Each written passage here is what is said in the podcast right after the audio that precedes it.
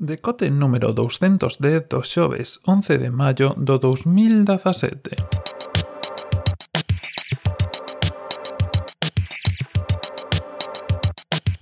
Bos días e benvidos a este novo descote despois de moitísimo tempo sen vir por aquí. Pero bueno, cosas que pasan, xa estades un pouco avisados de que podía pasar, así que nada, volvemos con ganas e con forzas. Dito isto, esta semana imos falar de algo que está pasando, bueno, que aconteceu os martes e mércores, como sabedes, foi a festa do cine, ou non sei se o sabedes, porque unha das cousas que me chamou a atención desta festa do cine foi que prácticamente non había ninguén. Comparado con outros anos que se facían bastantes colas e tal, dixen, bueno, non haberá cola porque ah, podense mercar por internet, incluso había cines, sei que Cinesa, por exemplo, facía, facía promocións e facía cousas, e bueno, nos fomos con bastante antelación por eso de non cochelas por internet, ir con tempo, evidentemente non son numeradas, entonces é un pouco ata que se encha a sala e sentaste onde poidas, e bueno, fomos con tempo, entramos con tempo, un pouco con medo de quedar sin sitios e tal, e non había ninguén, o sea, non creo que houvese máis xente do, do normal. Así que bueno, un pouco a situación, non sei como foi por, por as vosas cidades, tampouco sei se vos aproveitastes estos, esta oferta de estos días para ir ao cine, pero bueno, interesante ou canto menos curioso esta situación eh, do que era fai uns tempos o día do cine ao que hoxe en día o día do cine. En fin, dito isto, vamos a falar un pouco de cine como vedes no título, así que nos metemos de cheo xa a falar de Guardianes da Galaxia volumen 2. Primeiro de todo, sobre o argumento. Como sabedes, eh, na primeira película das a entender que Peter, que Star-Lord, que Terrícola, como sabedes, eh, podemos decir así o, o actor principal, o protagonista, ten un pai que non é eh, terrícola, que é extraterrestre. E un pouco toda a película xira alrededor diso. Bueno, empeza con unha escena inicial espectacular, un plano secuencia con Baby con Baby Groot, que eu creo que é unha destas cousas que ten que estar na película porque é algo que dixan claro na anterior escena e que ten un papel que non é dominante, pero que bueno, que está aí hai xente a que lle resulta un pouco, non sei como dicirlo, duro, porque ten que estar, eh, un pouco metido con calzador, pero bueno, me gustou bastante e creo que lle dá un pouco de, de sentido, de sentido xeral, pero bueno, que lle dá gancho á película. Porque como personaxe, pois pues, un personaxe que chama bastante a atención e que é adorable, vamos a decirlo así. Como os digo, a película xira alrededor deste feito de, bueno, de que de a historia que hai detrás de do pai de, de Peter e e, e aparecen novas relacións tamén. aparece a Irma de Gamora e aparece de novo Yondu e bueno, En xeral, a película ten unha carga personal, unha carga anímica, unha carga de sentimentos moito maior que a anterior, o que está moi ben, porque axuda a facer os personaxes un pouco máis redondos. Creo que na primeira película, como é normal, os personaxes, pois, digamos que se mostran que te axudan a facerte unha idea, pero non evolucionan dentro da película, que son, que son bastante eh, planos, de, pois, pues, oh, pues Peter é un chuleta, Gamora é super seria e, e non se pode cambiar, Drax eh, se pedía verdad, bueno, sabemos como son estas cousas. E os mostran e digamos que se quedan aí estables durante toda a película. Nesta segunda, como toda secuela, debe ser, pois sí que avanzan e coñecemos máis de cada un deles mm, sobre todo da vida persoal, porque como os digo, pois hai moito moita relación de, de parentesco, e, e de todo o que rodea. Sobre todo tamén se, se mete bastante na historia.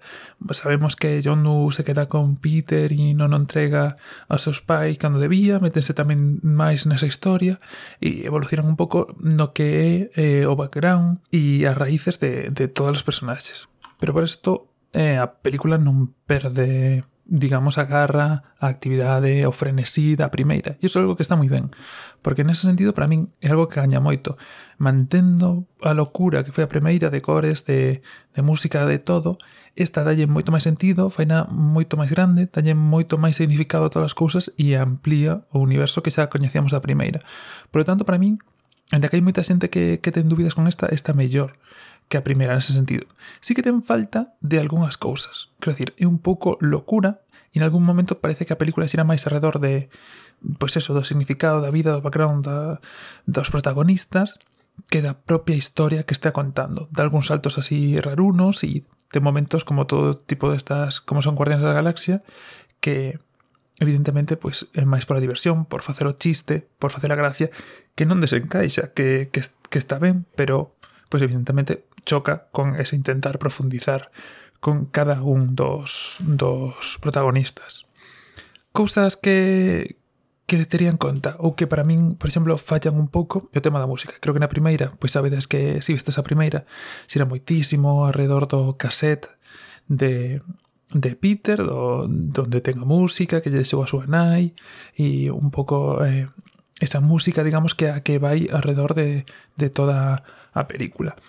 neste caso, sabedores, sendo coñecedores de que eso funcionou tan ben na primeira entrega, pois evidentemente tiran de eso para toda a banda sonora da película, dende o principio, desde o primeiro momento, tiran de banda sonora oitentera e, e siguen con eso ata o final.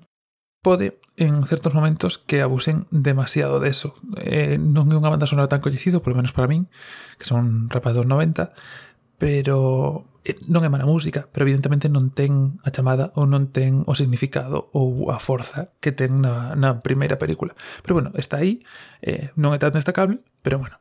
está aí. Unha das cousas que, que sigue funcionando bastante ben é que respecto ao resto de películas de Marvel eh, é unha das que ten menos carga trascendental e xa non digamos respecto ás de DC. Sabes que, pois en Marvel, nos resto de películas agora están nun momento, pois eso, eh, Civil War, Todo este tipo de películas son películas que se toman máis en serio ou intentan tomarse máis en serio respecto á repercusión que ten eh, os seus actos no resto do mundo e as mortes que causan e todo este tipo de cousas. A de Batman contra Superman empezaxe directamente con eso, sobre a destrucción de Superman,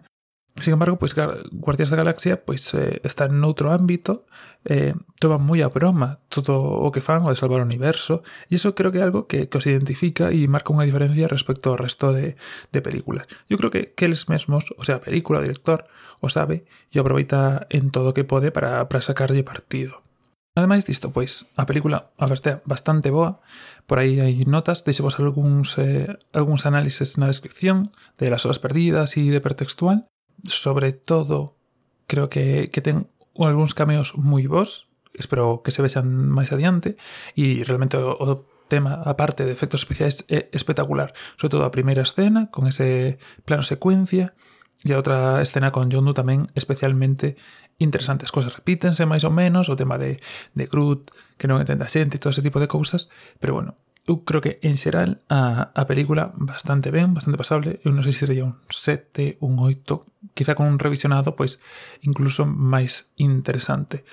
E creo que pouco máis falar dela. Eh, dixemos como vos decía, un par de análises de xente que controla un pouco máis de fotogramas, de hipertextual, ainda que fotogramas como sempre fan 300 palabras e xa, que un pouco... Pff, en fin, eh, hipertextual e as súas perdidas, as súas perdidas en nos comentarios si sí, xa viste esa película, tedes un un comentario a maiores sobre unha das partes da película así un pouco complexas ou quizá oscuras, pero creo que, que o propio director xa desmentiu. E nada, se a viste xa, comentademe vos que vos pareceu, min gustoume bastante. Ahora, moitas ganas de ver a de Wonder Woman, que sai o 4 de xuño, así que vai estar tamén moi interesante, e para min que esa é a oportunidade de, de, de seguir para diante. Como sabedes, eh, Guardias da Galaxia xuntarase con Avengers non sei se na seguinte película ou dentro de dúas, así que vai ser interesante ver como, como coexionan estos dous mundos E, e pouco máis por hoxe. Eh, espero xa volver a regularidade, volver a ter tamén algún vídeo, xogos e esas cousas, e nada máis por hoxe. Vémonos de novo mañá con, con resumo de todo o que nos contou no tinteiro estas dúas semanas, coa presentación de Windows, coa presentación de Amazon do Echo e todas esas cousas. E nada máis, que teñades un bo xoves, un bo día, un saúdo e ata mañá.